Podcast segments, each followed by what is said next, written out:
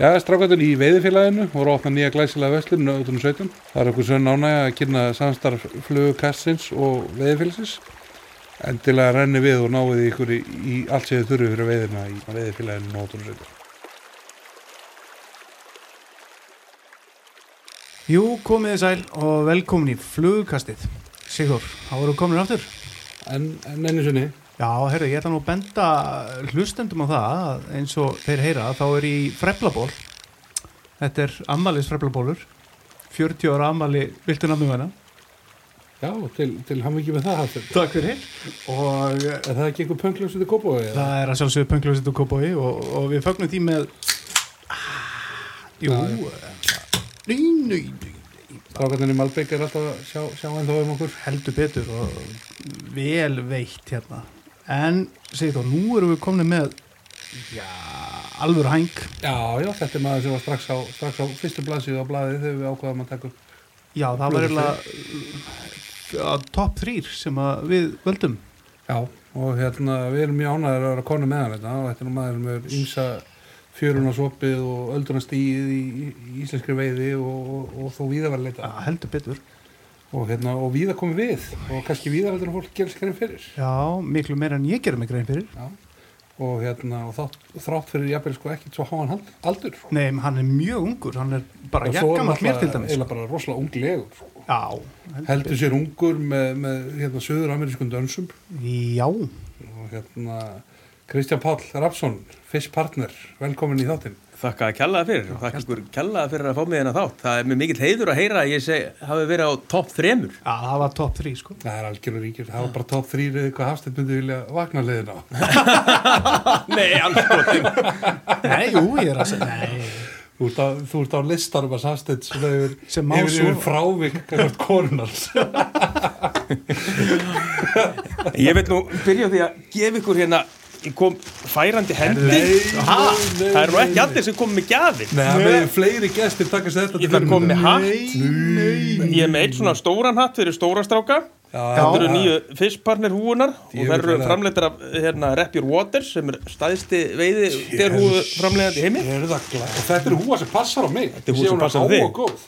Herðu, Og svo erum við eina fyrir þig, svona bláa fagra. Gjörðu svo vel. Já, þetta er hipstera típan. já, þakkaði kella, wow, þetta er geggjað Sigþór. Beitt áma. Ég kom með þetta á mig, sko. Bara enjoy.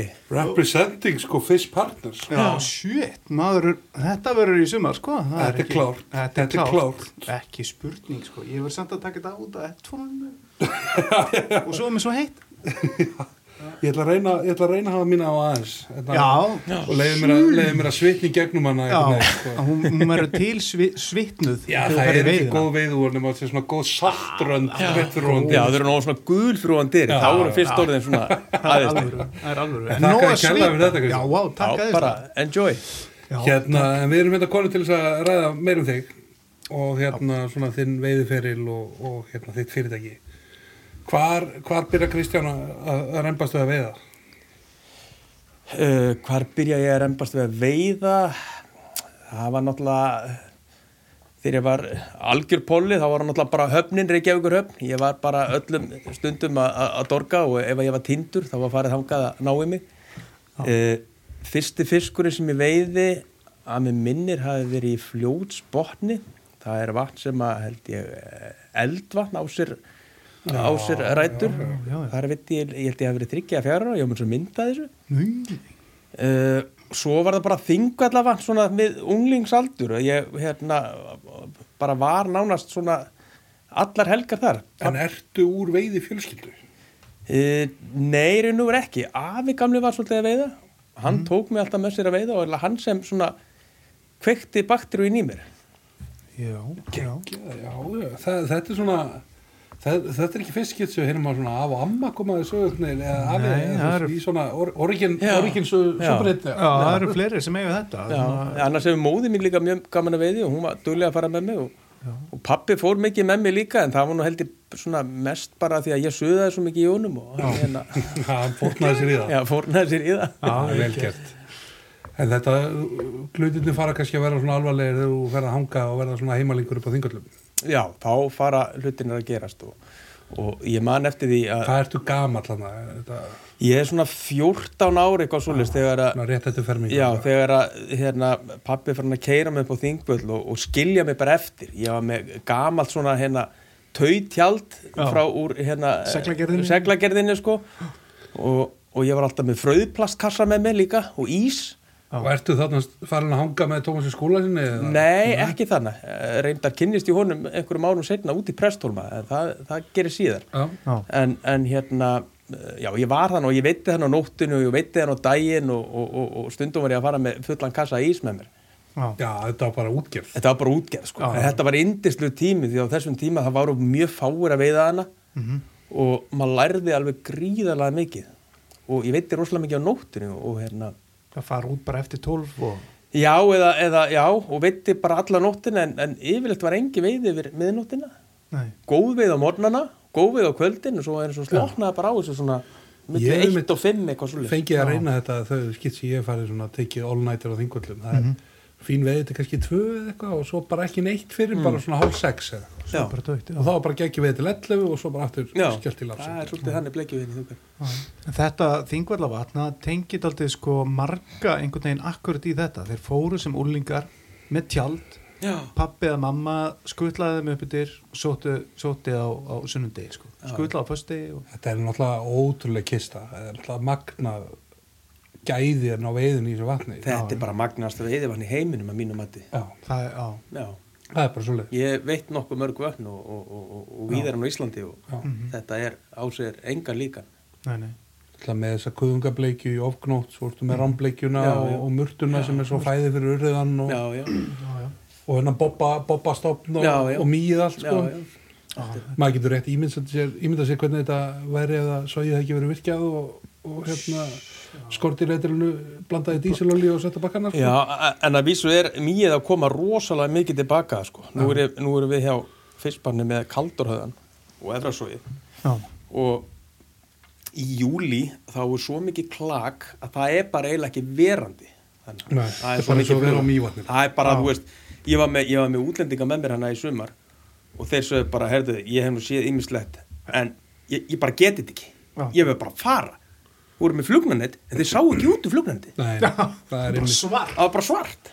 Já, ok, það, það er allavega, verð ég að segja gott að heyra. Það er gott að Því heyra. ég tengi þetta bara eins og við ástandu upp í Mjósveit í- og í Lagsá sem er náttúrulega bara æðislegt, sko. og Þú veist, e- ef það væri ekki verið þetta mýð þá værum við ekki með hann sögulega fisk. sko. Já, já, já. En hérna, er flugveginn komin hérna strax inn eftir fermingu eða?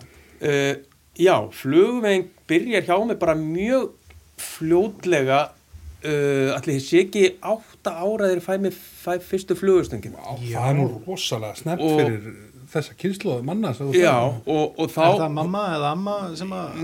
Nei, það var nú bara svona minn, mín eigin ákvörðun sko. og þá var farið í sportvörugerðina og þetta var Mitchell Stöng Nó. og það var keift hana Mitchell Stöng og, og, og, og græn klofstígvel og, og vesti og ég var bara alveg Búm, þvílíkt pró sko klárið slæði. Já, klári slægin og byrjaði svoleiðis að að döbla þessu út einhvern veginn, enginn kendi mér neitt og það var ekkit YouTube og ekki neitt, þetta bara, maður Bara gerði horfa þetta á bara einhvern, einhvern veginn. já.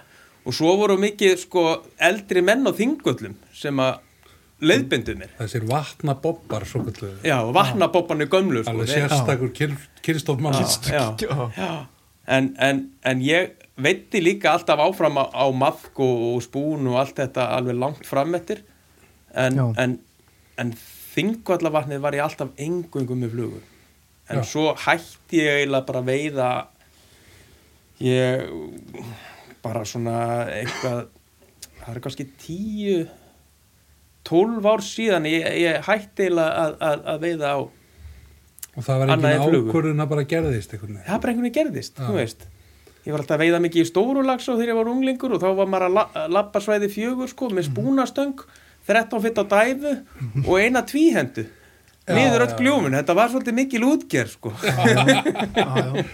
og, og jafnvel bara ef, ef hann bólaði spúnin og þá fór tvíenda saman og, og, og reynda að setja hann á hlugun já, já, þetta var bara einhvern veginn en yfirleitt veitum maður bara á eina stöng sko Já, ok en þið, eða þú og, og þín félag náðan og tölur færnaðan í þýkollagarni og voru orðnir ansi miklu reyfir hann svona late 90s Já, já, vorum orðin það og svo byrjaði maður á bellibátum hana, hann er búið að banna þá núna. En þeir já, voru, ég tengi ykkur um þig og þá líka eins og Tómas og ég man að þú varst nú með föðuminn til sjós hérna til skast Já, já, já, já. og dróst hann að það eitthvað tvær, tvær ferðir sko, að hann bara sér þetta eða þá í dýrða ljóma sko, Já.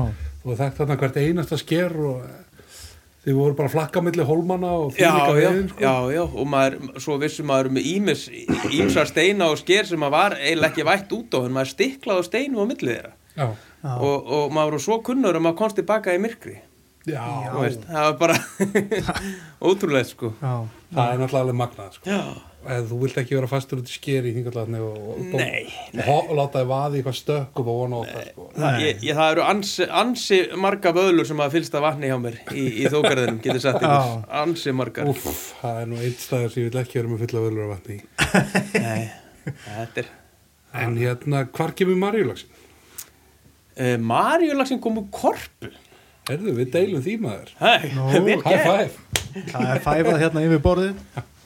Það hérna, uh, ég veitti Marjulagsin mjög seint ég, hérna, Það var náttúrulega engin að veiða lagsin minn í fjölskylduna Ég var aðalega bara í silung Hmm. Ég held ég að verið 14 ára gamall eitthvað svolis Þegar ég fekk Marjulagsin Já, ég, í korpu En ég líka, ég sapnaði einhverjum peningum, einhverjum, ég man ekki hvort það eru einhverjum ammælispeningar eða eitthvað sem ég átti og, já, og svo hann hérna Jón Þóri Regnasa, eh, ég ringdi í hann sko kvöldin áður Mhm. og spurði hann sko, herðu, ég hef að fara í korpa á morgun eitthvað, ég er búin að koma með dag og eitthvað og Þorgils ætlaði að fara með mér sko Mm. já, og hérna hann bara, herðu, það er laust í kvöld líka, Kík, kíktu bara núna. Já. náði marjulagsinum í stíplunni að herri meri nr. 16 fekk engan daginn eftir sko. já, já En svona, mín, mín svona fyrsta lagsveið eiginlega byrjar svolítið í korpu Því að hérna, nú kannski er ég að segja eitthvað sem ég ætti ekki að segja En ég geði það samt Já, já, en- Ég stundaði vegið þjófna grimt í korpu Og hérna, Heyrðu, ég, ég verð nú eiginlega bara rétt það er hérna viðinöndu mitt það er ákveðin hlustendur þáttarinn sem að kannast við að kalla mig korpuljónið Já. ég verð nú eiginlega bara hérna Kristján að rétta þér leikilin hérna að borginni þakkaði fyrir þú ert hér með grítið korpuljónið Þa- Þannig var máli að ég átti heima pa- Pabbi átti heima upp í grái í, í nána tiltekki í veghúsum Bara við hérna bensinstöðuna hennar Já. við erum Og- ákveðlega hvað það er og þessum árum þá var og lítil byggð þannig og það var bara malavegur alveg hennar niður á korpulstöðum og beint út af sko út af litla veiðikofunu sem var alltaf hana Já. og veiðivörurinn hann var á svona bláum pick-up Menn Og- tek bílinn. og hérna var það hérna snældu snældugrímur, nei Snældugrímur. þetta voru undan honum sko og hérna alltaf þegar að hann, alltaf í, hlé- hann kom alltaf á mornana og svo kom hann í hlénu og þegar að hann ég fylgdist með honum sko, þegar ég sá hann vera að keira niður úr, þá fór ég niður í skúr teipaði stöngina á hjólið og byrjaði að hjóla niður úr, svo vitt ég alltaf í hlénu ég vissi nákvæmlega hvernig hann fór og hvernig hann kom Já. þannig að ég fór alltaf í, í, í sko, svona einn og halvan tíma stundum á hverjum degi og, Oft tekið lags. og tók þá nokkra já, já, já. það er oft gríðarlega veiðið hérna neðst sérstaklega svona fyrir part sumar Já, já, já, já, já, já. Voru þið þá bara settir á böglaberan eða? Nei, ég var alltaf með bakpoka, sko. Þetta var Já, fisk í póka sko. Já, fiskipóka. Já. ekki poka, sko. Já. Ok, þannig að þú, þú svona slítur barskorum í lagsveðinu í veiði þjófnaði í korpu. Já, ég reyndi þetta aðeins fyrir mér í ellegaðinu líka, sko. En ég var nú fljótt tekin þar og, og, a- og engin aflegin veiðafæri voru gerð upptæk. Ég var, með, ég var fyrir neðan stípluna, ég var með færi og sökku og orm. Skúli Kristins var hann að veiðverður. Hann, hann allt í hennu var pikka í baki á mér og þá stóða niður mér. Já. og hann gerði veiðað farið upptök og hótaði að ringja á laurugluna og hann Ah, mann Skúli- voru ekki eftir þessi í dag en Þú manst mjög vel sko, við eftir erum góði félagar í dag Skúli reyna að rifja þetta upp, ég ve- þykist við hans ég að lusta. en hérna, já, ég, ég held, Kristján, við, við erum þekkt tiltölulega lengi. jú, jú. Hérna, en ég þekkti hérna ekki sem barn, en ég, ég held ég sé ekkert að ljúga upp á því að þú hefur verið kannski svolítið örkrakki. nei, nei, já, bara duglegur Já, þú, þú ert ennþá í svona mínum huga, svona einmitt svona þú og svona Magnús Geving svona, Já, já. einhvern veginn svona sem að ná einhvern veginn að beisla ofvirkni í, í eitthvað svona productivity sko. já, Er þetta rós eða? ja, þetta er Já. svona svo kvæta backhanded compliment Ok.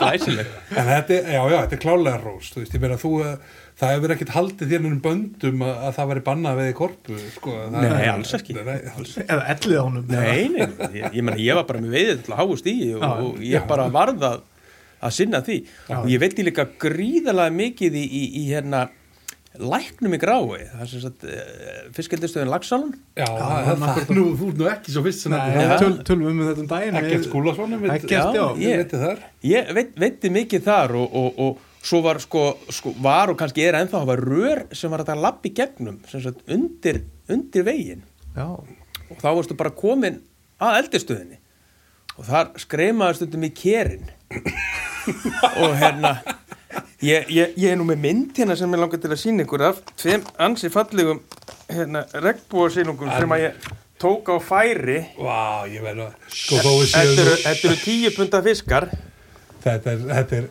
sko, hérna rétti Kristján okkur mynd þar sem hann er komin heim í stofu með tvo tíuputta regnbóðsjölga hann er í baðslopp með svona upp, gula uppvöskunar hanska örgla svona, já, 12 óra gamall þetta er alveg geggja sko. við setjum þessa mynd hérna já, ég, með hérna, ég fæ að taka skvella mynda þessu á eftir og, og byrtana á síðuna Við birtum- þegar við byrtum þáttir Þetta lýsir mér svolítið sem krakka ég var svolítið mikið svona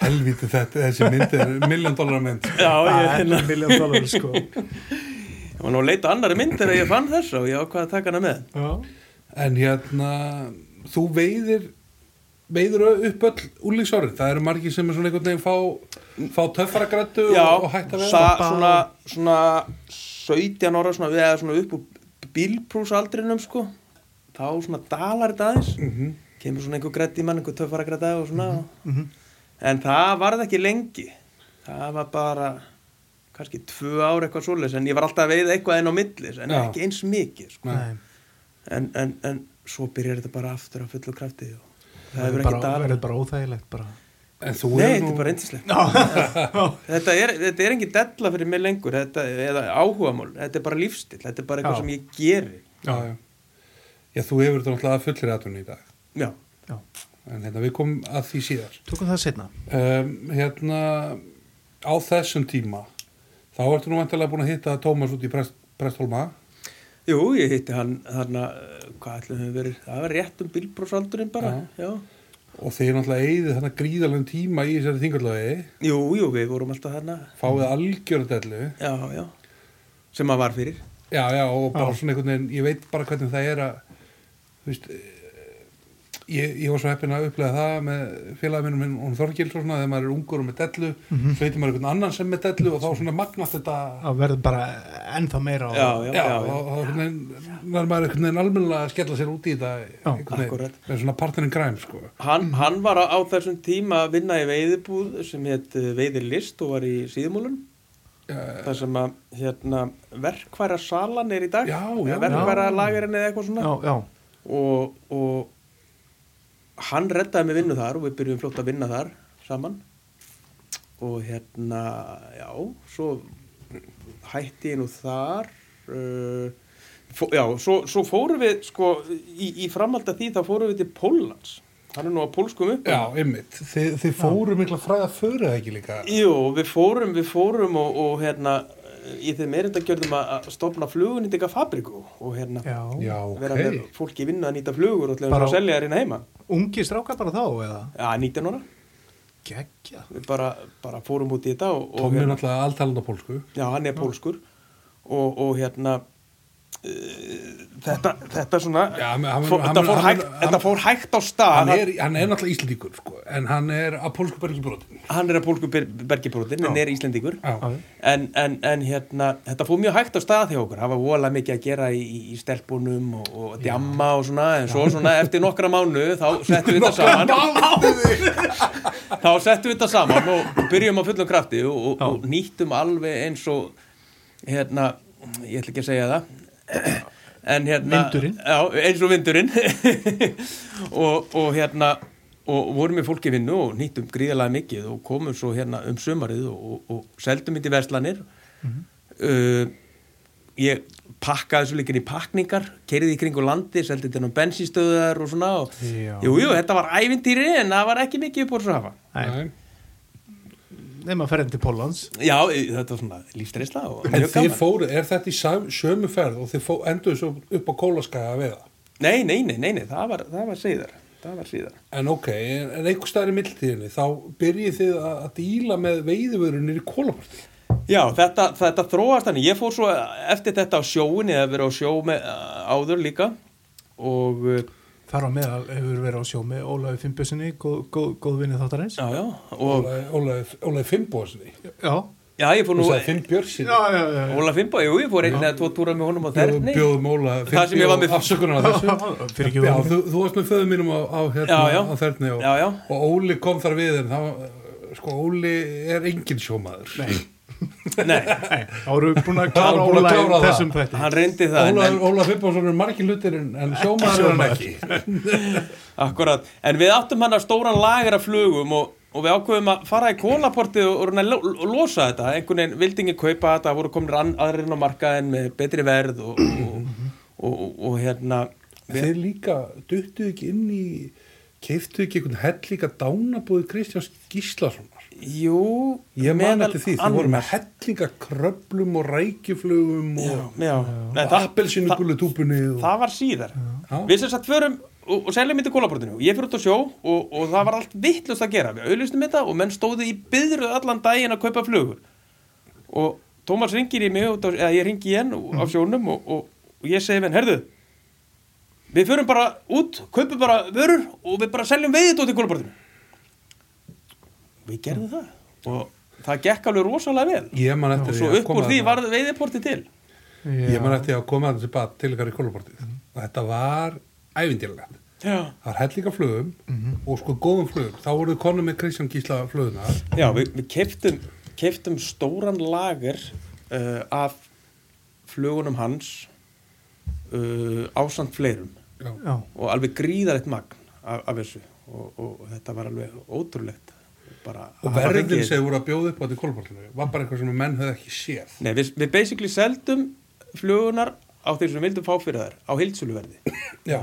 og þetta var eiginlega bara svona magnsal, við seldum alveg gríðarlega mikið og svo fórum við, þegar við opnum veðiportin þá byrjuðum við að vinna svolítið á gráamarkanum líka, svona eins og bara aðri kaupmenn hafa gert í, í, á öðrum sviðum fórum að selja a- a- alls konar eh, merki sem aðri voru með og svona, eruðum kannski ekki vinsæli fyrir vikið en, en Nei, það var nei. mikið að gera hjá okkur, það gekk vel og, og, og, og, og, Og gengur ennþá vel. og, gengur ennþá vel já, Ég hérna, ég held að ég flaggi þeim uh, góða titli að vera fyrsti starfsmæður veðiportins. Já, Hérna, Þú það Launaði starfsmaður. Já, ég, ég held að ég hafi mér sér ráðið því reyðin í Já. gegnum pappi minn eftir að þú, voru- þið voru á sjónum á þerni. Já, þannig Það að þú, var- kom, þú komst inn í, í, í kennum klíkuskap, má segja. Algjörlega, en hlaut já, að vera, náttúrulega sko. einhvern veginn- einhvern- einhvern veginn svona sameiginlega örlög í, í því að vera með alveg guðdólega veðitilli, sko. já, já, já.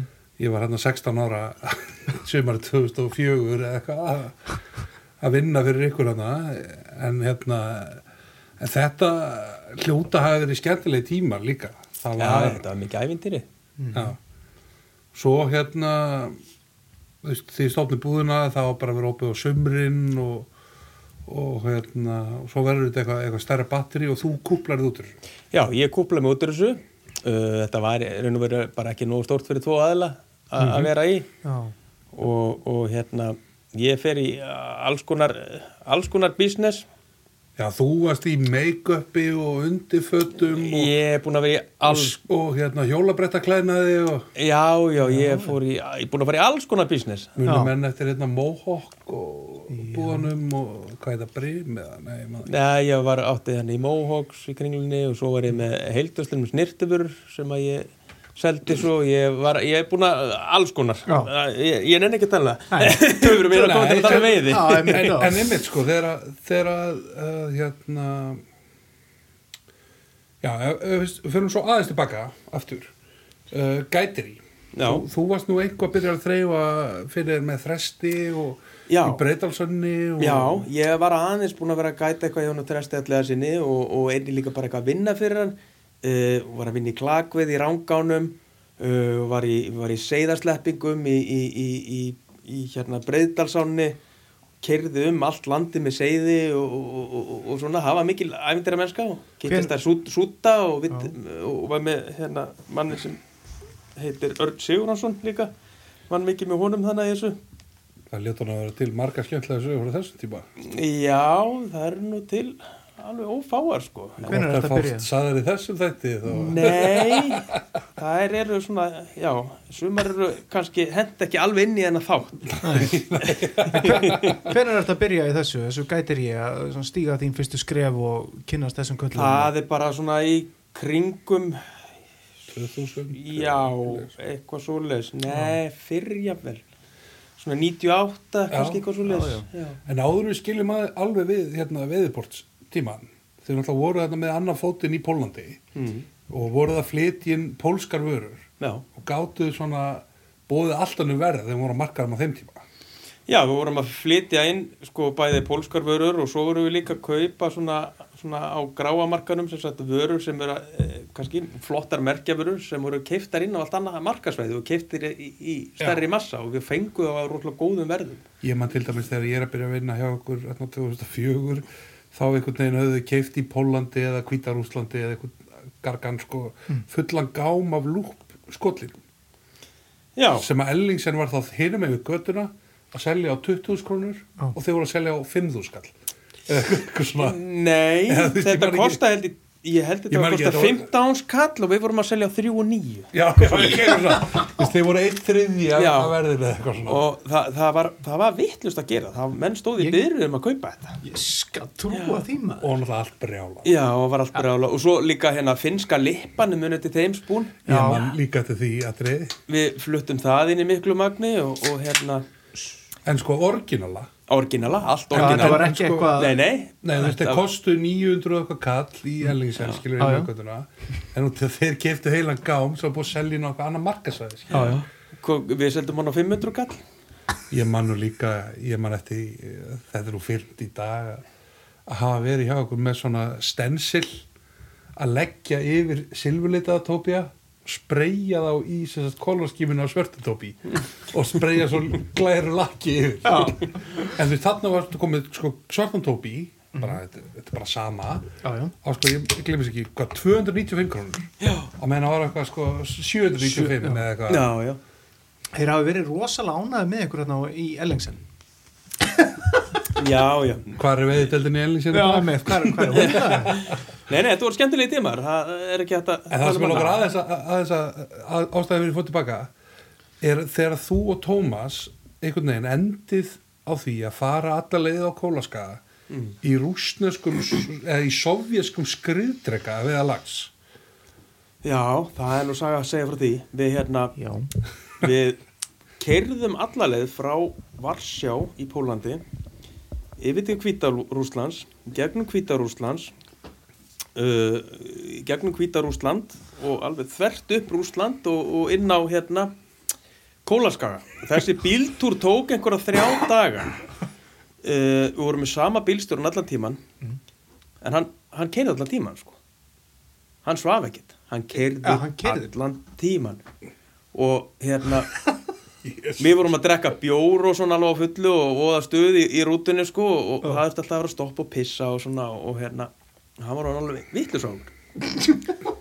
Þannig að hann fór bara í búð og, og, og kefti vodka og sagði við, við drekkum bara vodka, það verður ekki Já. að stoppa meira til að pissa. nákvæmlega Þannig að hann var bara að drekka vodki og, og hérna, maður og svo var ekki stoppa til að pissa menn þurftum til að pissa og þannig að það var tekið upp og það ráða að hérna við skárum flösku í, t- í sundur Já. og síðan mig og menn bara í flöskuna og síðan var svo sturt át og gluggan Já, það sjálfsögðu bara Græða þetta bara en við komum þarna uh, við komum til þorp sem heitir Umba þessum að árennur í gegn sem heitir Umba Já. og byrjum að veiða þar aðeins og þar voru nú ansi ævindirlegar veiði aðferðir það var þakin, bakkin af veiðumönnum og flestir að veiða á orm og svo voru hann tveir gæjar að- að að húka Já. Já, og þeir voru með með þrýkrækju og þeir ekkert voru annað með stóra þrýkræki ég er að tala um sko bara svona alvöru risa svona eins og þú situr á pilk Já, já, já. sjóstöng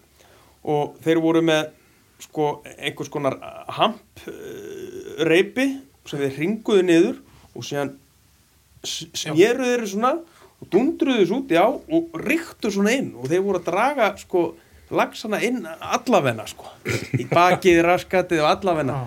og svo sá ég að stundum stökkvinn í runna þannig að það er greinilega eitthvað veið eftirlit þannig sem kom upp á, upp á brunna og kíkti yfir ána um leið og einhver kom þá stukkuður þetta í- inn í runna og svo komum við fljótt út í á aftur Þannig að ykkur Þeirra- hefur nú kannski ekki alveg litist á blikuna þegar þú kemur Nei, til okkur þetta. leist ekki alveg á blikun en, en, en gott og vel, við heldum fyrir okkur áfram eftir að við kvíldust þarna inn á nótt og, og hérna fórum að við á sem þetta Tjavanga og við skröltumst þarna á gölmu rússajeppa einhver slóða að, að á uh, að, að ós af áni Varsúka fórum þar yfir á bátum og þar tók skriðdrega ferðalafið Já, ég Og- sé myndi úr þessu. Þetta er alltaf, sko við erum ekki að tala um einhverja hugla ferð. Við erum að tala um bara mennulegi veiði á skriðdreng. Já, þetta, þetta, þetta var mjög sérstæð Síðan, sko, þetta voru ekki, ekki svona alvöru skriðdrekar sko, með byssu, þetta voru svona, svona flutninga Skriðdrekar, já, en bara skriðdrekar og það var ekkit, engin sæti inn í þenni þannig Herra, það var þetta- sitja á toppnum, ónáðunum og bara sitja á stáli já, og þetta fjadrar ekki Nei, nei, nei, neitt, sko. maður var svoleiðis að drepast í raskatinu maður, maður marinn og blárættir þetta Svo keirðu við keirðu við eftir, eftir strandleikinu og svoleiðis eh, hérna sandurinn auðs yfir mann og, og svo var útblásturinn úr skriðdreganum bara hérna við liðinum manni Já. Þannig maður var allavega svartugur og, og, Bara- og, bara og svartolíu, svartolíu, ógeð. já, þetta var ógeðslið. En þarna, svo komum við að Tjavanga og þarna voru settar upp búðir og það voru svona gömul hermannatjöld og það, hérna, það var ekkit gólf í þeim, það var bara alveg opið, þannig að moskítoflugun ráttu mjög greiða leið inn í tjaldið og þetta var í júli og það var yfir 20 stöði hitt, það var rosalega heitt og, og, og maður sjálfkrafa sko sparkaði að sér svepphúkanum á nóttunni Æjæj, þannig maður var gjörsamlega jétin upp og ég var náttúrulega svo slæmur hana í lokin að ég fór úr föturum og fór bara út í á bara til að kæla mig. Kæla, Já, bara. ég var bara, Er það rétt mun að ég bara fengi eitt lags í þessari verð? nei, það, það fegst alveg, alveg töruverta fisk í hana já, já, það er sárabót. Já, það má voru stórir fiskara, voru stórir lagsar Nei, það voru engi stóri þannig Það voru engi stóri þessari verð Það er ekki mikið af stórum lögsum í þessari á en það er, það er mikið af, af, af smálagsi Já. Þessi á rennur sko kólaskaga er sem sagt kvítahafsmeðin rennur í kvítahafi Mhm. og flesta þær ár sem er renna í, í þarna megin á, á, á kólaskaganum eru með meira a- að smálagsi Já, En urðu eitthvað værið við til dæmis gerafslags og var hún sleppt þarna í Já, já, já, já, já, gríðanlega Við magni. veitir hellinga já, ok. Það var reynd að koma hann upp og það er talað að þeir núðlagsar sem að villast hingað séu Já. komnir sko hvítafsmiðin úr, úr hérna af kólaskam. Já já, ok Já, þe Ég þetta fékk í- hlýtur satt að hafa verið bara einhver svona once in a lifetime bara svona, ég ætla ekki svona eftir á Já, já. eftir á hefur þetta verið en, once in a en lifetime sagan er ekki búin svo er veiðiferðin búin Já. og þá förum við aftur tilbaka á skriðdrega og, og Það er hérna alltaf fálega þetta hefur já, svo bara hoppaðu upp í skriðdregan Greitregan og, og hérna, herðu, allir á svo lánaði bara, ó, já, já, þetta eru ágætt, fínt að komast heimaður og herðu, og það, eh, leiðin lági við mýri herðu, svo sekkur helviti skriðdregin alveg á bóla kaf og það var ekki sjens að ná kvikindinu og herðu, rússin okkar, dræfirinn okkar hann var náttúrulega sendur á stað Njönd.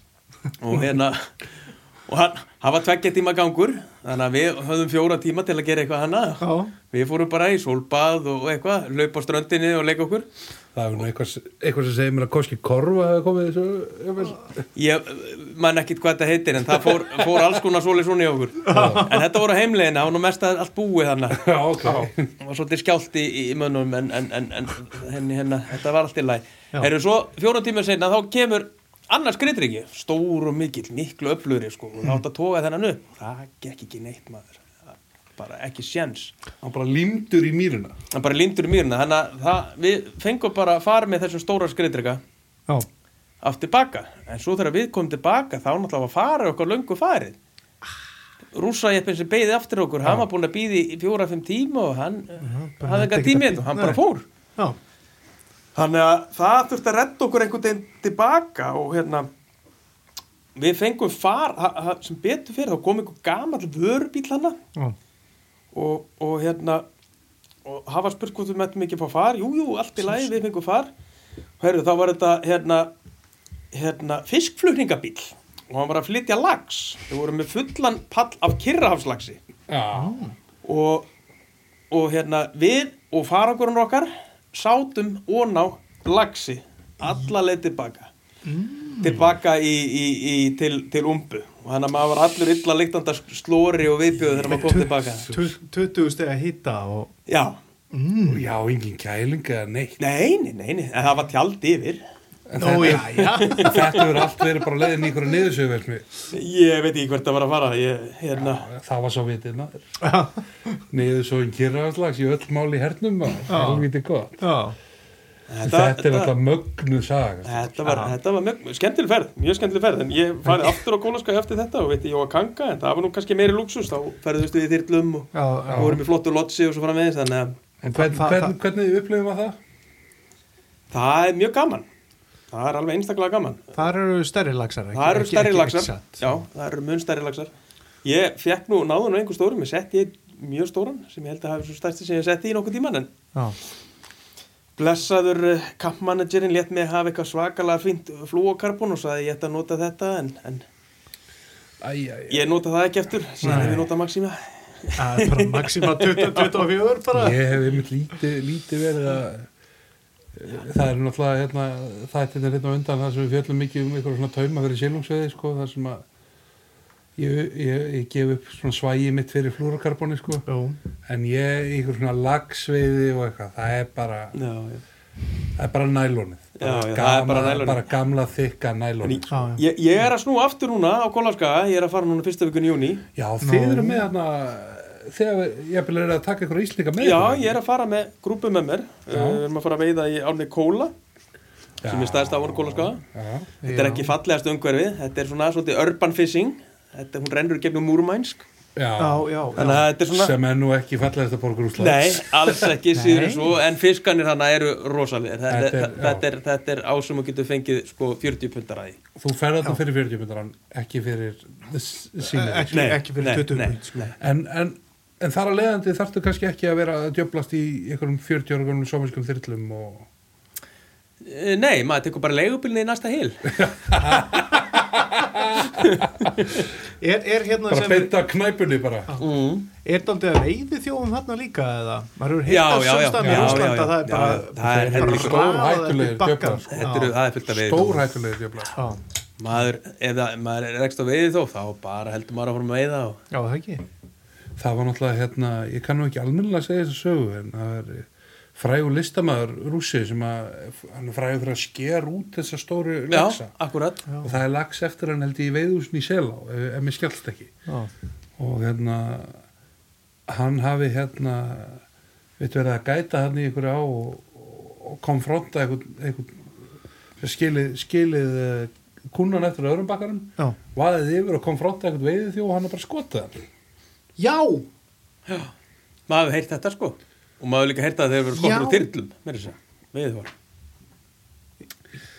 Hvort Ég- ég... þetta er satt, veit ég ekki Nei, en nei. þetta, þetta maður hefur heyrt þetta já. ég heyrði mag- ég er sko úr því að við erum konur inn á þetta þá heyrði ég magnaðsögu þegar ég var að byrja að gæta þá var voða, voða gæi í einhverju hérna, amerikani, ungu, ungu strákur sem var að, já, við sem hann er þrítur Já. einhvern veginn svona nýríkur mm. hann var- hann var veið upp í kjarrá en hafði verið að koma af kólaska og hann segi okkur það sko að hérna, hann var að veiða í, held ég, Jókanga eða einhver maður smá sko og þar var einhver úsnesku gæt sem var með alla vikuna og hann var búinn að taka út einhvern úgrinna dollarum sem hann bara búinn að ákveða að tipsa í húsið sko. og svo hvað síðast í dagurinn og hann ætlaði að fara að gefa kokkinum og, eitthvað, og svo ætti restin að fara í helst gætin sko.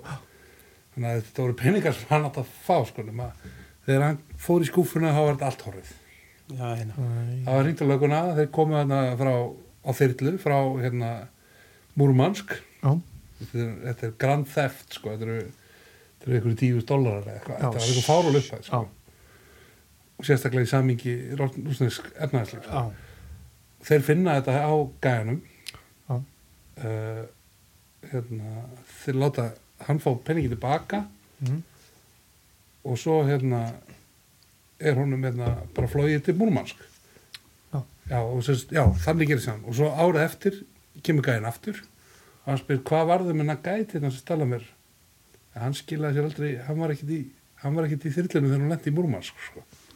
nei hann fór í lofti henni sko Hann fór, hann fór upp en hann var ekki í henni þegar hann lendi sko. Nei, nei. Það er harka, það er ekkert verið að gefa neitt eftir þarna sko. Nei, það er en ég held Menn að sé fá að nú- finna fyrir því. ég held að sé nú búið að slípa þetta tölur til það Já, er kom- já. það eru konur annar nýja þyrlur og Já, reyndar hefur eina, eina um hrapað með- Mér, með- mér með- sko, ég hef nú farið í þyrlu oftar en einu sinni og, og mér mér líður eiginlega best í þessum stóru rúsnesku þyrlum. Mér finnst það er svo örgar, það eru svo stabiliseraðar og þetta er bara, þetta eru rosalega stórar velar og Já. bara, mér, mér líður einhvern veginn, ég er örgur í þeim. En er það ekki líka þannig að það varð aldrei slís í þessum eins og í hérna, ég held að sé Jókanga frekar en Kóla Já.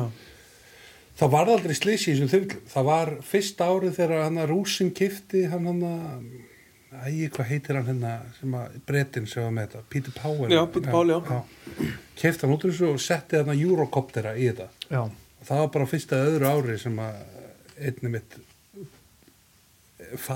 feipaðist á í flugtaki og og, og fór niður Já, Mm. og tóku þarna einhverja flugmenn og einhverja kunna á eitt gætali. Já, ok En við erum nú ekkert að ræða ykkur fyrir að fara til Rúsland. Nei, Nei, þetta, það er mjög gaman að fara til Rúslands. Það- Kristján, góð vel að selja fyrir til hérna. Rúsland setja þess. Nei, en það er, það er að fara stór hópur á Íslendingum bara árlega Já, til já, Rússlands. já, já, við fullta Íslendingum á hverju árið í Rúslands. já, Góðvinu þáttarins Alli Heiberg, en til dæmis að fara núna, hérna, uh, Ron Thompson, prótím. já, já. Silli Kokkur, hann er að fara, veit ég og... Já, en þú er nú veitt víðar ennlandis. Já, Þú ég, er farið í, í Pyramid Lake. já, ég veit pyramid leiki fyrra og það var mjög skemmtilegt. Mm. Samt ekki nálætti eins skemmtilegt og þingvallafa. Þingvallavatn. Nei, ég- En þetta er alltaf rúsi fiskar. Uh, þetta eru cutthroat. Og Við fengum hann að fiska upp í 13,7 pund. Mhm. Uh, við keirðum í, sko, við keirðum hann að bara, hvað var löng keisla? Já, við keirðum í 5 klukkutíma hvora leiði til að veiða hann í hálfan dag.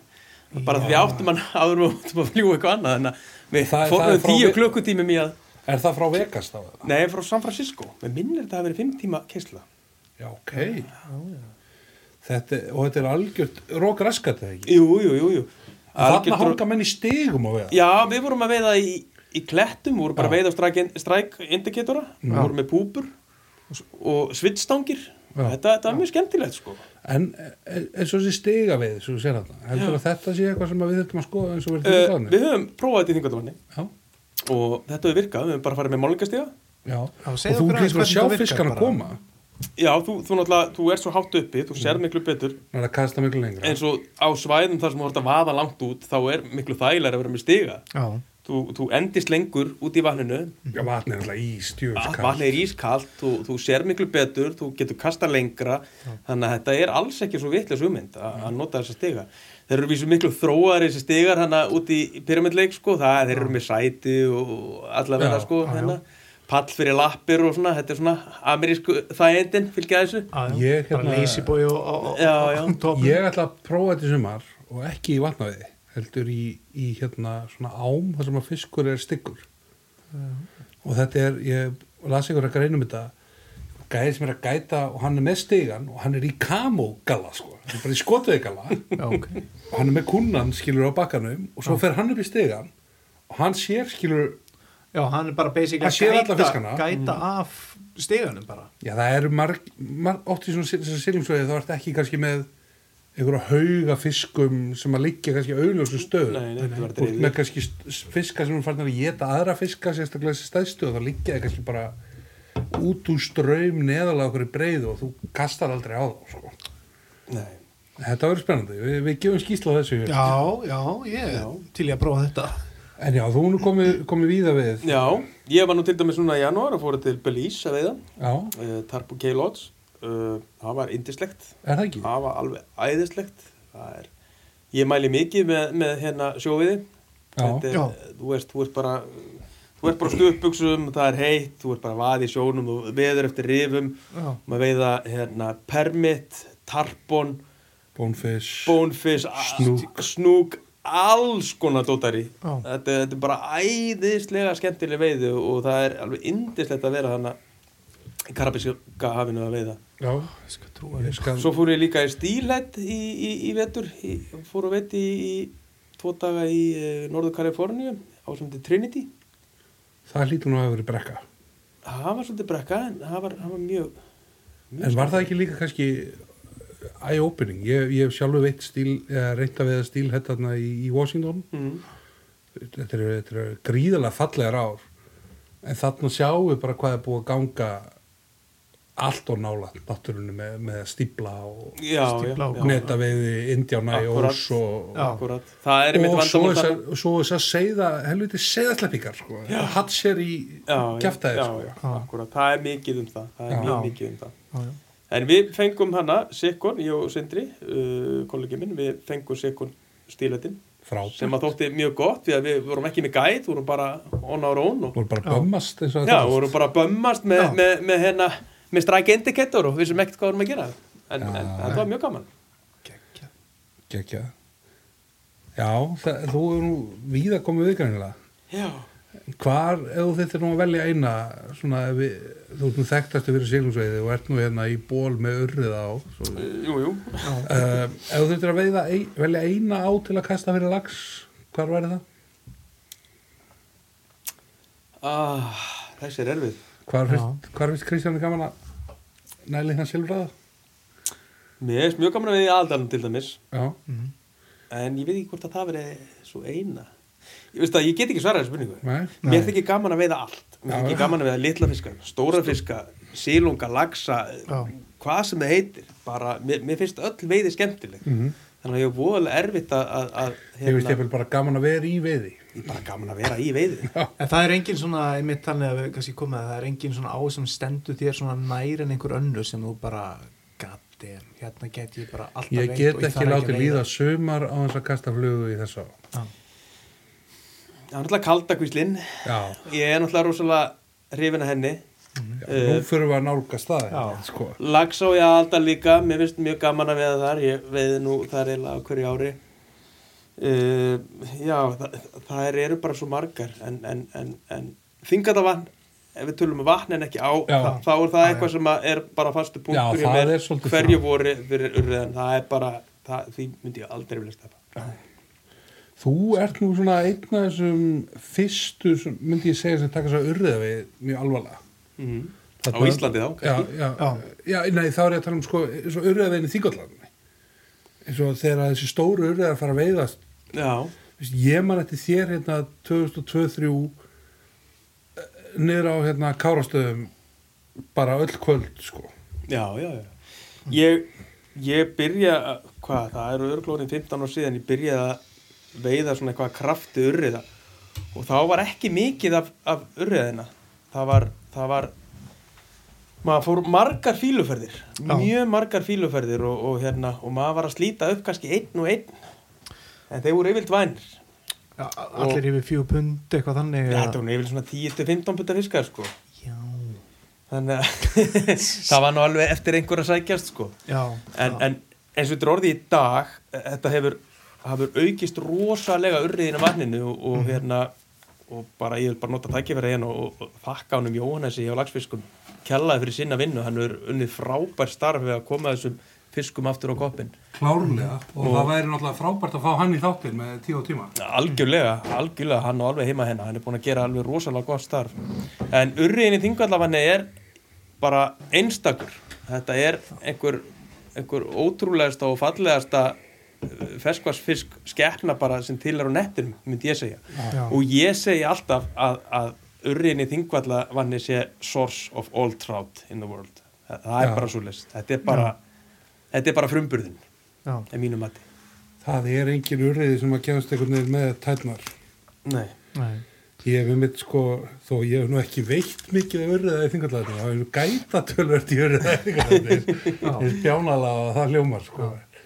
En að sjá það að taka kannski ykkur að um fasan til búburum í 16 og svo sérðu það næst sko, þegar það konur 100 metra á undirlínu ykkur já, já, og þá ploffa þær upp eins og einhver seglfiskur sko. já, já. Þetta er bara, þetta er ótrúleitt Ég hef bara ekki náð svona stórum urriða í þingullum sko. Við græjum Nei, það- þið við verðið bara að græjum koma það í hingað. vor sko. Eins og við tölum um í síðasta þætti Sigþór, ég hef kastað þarna út um allt og aldrei vita hvað ég ætti að gera hvaða flug ég ætti að nota allir benda mér og þú verður að fara þarna og kasta þetta og nota þessa flug og ég hef gert allt sem allir Hafsteinn og Hafsteinn er ekki, aldrei- heldur ekki náða að tengja í bleikjuna sko. Já, ok sem er alltaf önnu paradís Já. sko. Já, já, heldur betur maður, ég- sem er nú samt eiginlega bara Áttu nú svolítið í landa en þá, byrjaði bara að bleikinu Talaði við með þetta tvö ár Já, já, já, já Nei, nei, það, þetta eru þetta eru náttúrulega gríðarlega höfðingjar og, og, hérna, og gaman að fylgjast með uppvestinum og, og líka gaman að sjá uh, hvað við að sleppa gerum ekki fyrir þetta Það gerir gríðlega mikið Þetta eru fiskar sem verða gamlir, Já, köldu vatni það er það. Því miður þá er mikið drepið ennþá, það eru margir sem er að drepa uh, Já. margir bátaveiðimenn sem eru þarna og, og maður séð alveg hrúur af, af döðum urðum Því Ma- miður. maður er að tala um þá alveg á, á bylunum sko 10-20 punda fiska Mm. sem þeir eru bara að henda bara Löðrandi kvikaselri og- já, ég menna þú veist menn eiga ekki það, ef að menn ætla að vera að drepa svona urðið þá eiga menn bara að- að taka sér einn lítinn já, ef menn ætla að vera að gera á annar borð Ég held að ég bara ekki verið að drepa verða þannig nei, ég er alveg á því en, en, Keftu bara veðilefi hjá Kristján í eitthvað eitthva annað gott vatn eða eitthvað skilur, þú veist, eða fara upp á Arnási já, já, nokkulega bara- fara upp á Skagaheiði, fara upp í Skagaheiði, Veiðivöð já. fara upp í Sultatangalón eða, eða Þa- bara það er fullt- Það er Kvíslaveitur fullt, það er fullt af góðu veiðvörnum Fylltu sem það að í þú getur veittir í, veittir í matinn en, Já, en í, og það er góðan sko það að matfisk, þú sko. drepi fiskana er bara gott fyrir já, nýtjöru já, sko. alveg Já, já. bara já, heldur betur sko en, en þingvallurðið sem er drepin hérna þryggjapunda er bara tapað tækifæri á 30 pundara já, akkurat já það er, það er aldrei mikið þannig Her, já, en hérna Fish Partners nú erum við svona komist aðeins að kjarnamálsins Já. eða Fish Partner Akkurat. fyrstpartner, já, veiði félagin mm. um, er það rétt muna hjá mér Kristján að það byrji með þetta 2013 já, við byrjum 2013 síðasta, fyrsta sumarið er sumarið 2014 það er minni, Já, alveg einmitt. örugglega. Já. það passar um, og þá ert þú einhvern veginn maður sem átt að segja því að það sé búið að virkja hérna bæta einu lóni upp á upp á Hálendi og ferði í einhverja ævindiraferð Mm.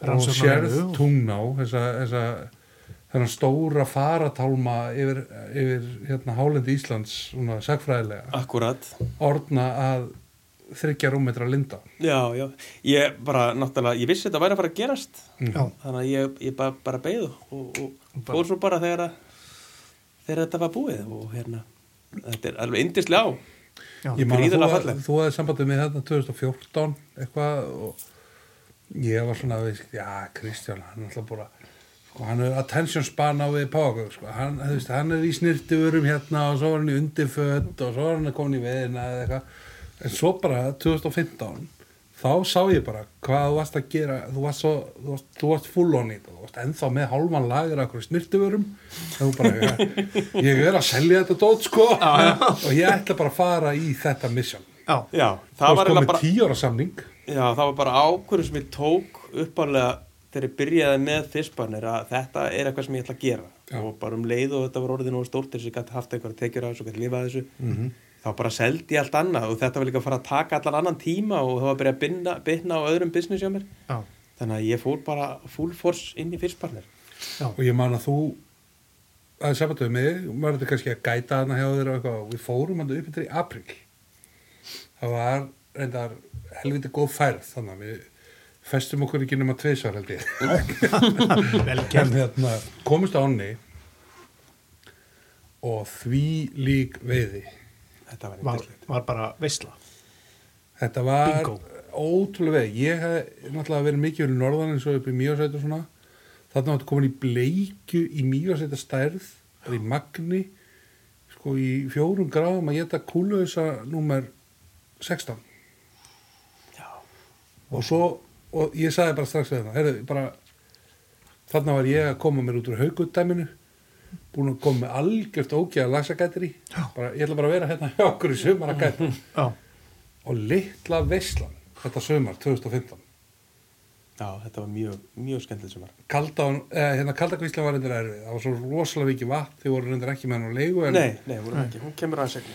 en hérna, þarna lærði maður líka svona almennilega pæl í þú veist, ef þú ætlar að veiða tungna á okkur viti og ég er nú kannski að leggja þér orðið mun en myndir ekki segja það, þetta er mjög teknísk veiði Jú, það er, má ég að segja það að eins og oft með tunglana, að það er stundum þá kemur aðeins, þetta er lítil tæra og þú ættir að sjá alla fiskiðinni. mm. En samt sem áður, þá stundum ferðu og þú sér ekki, sér ekki píkinni. Nei.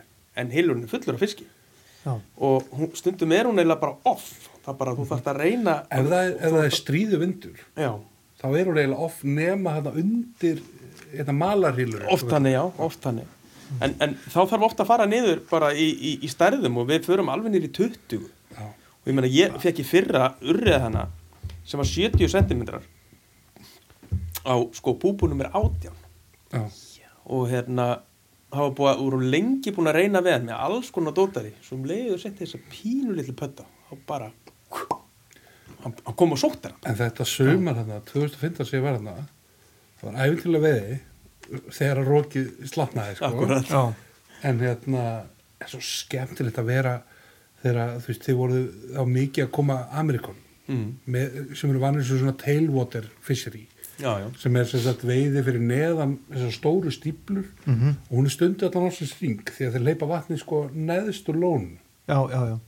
og það er að veiða mjög litlar flugur allar vetur svo koma þarna að vera með 24, 26 og, og svo er hún alltaf það sem að tungnaðum að eiga um leið og það lignur upp á Hollandi Já. og eins og, eins og hérna eins og ekkert skóla sem hún listi hérna í þettinum hjá okkur Já. sko, hvert eilega smáblóm hérna, sem að Titrandi tár. titrandi tár sko.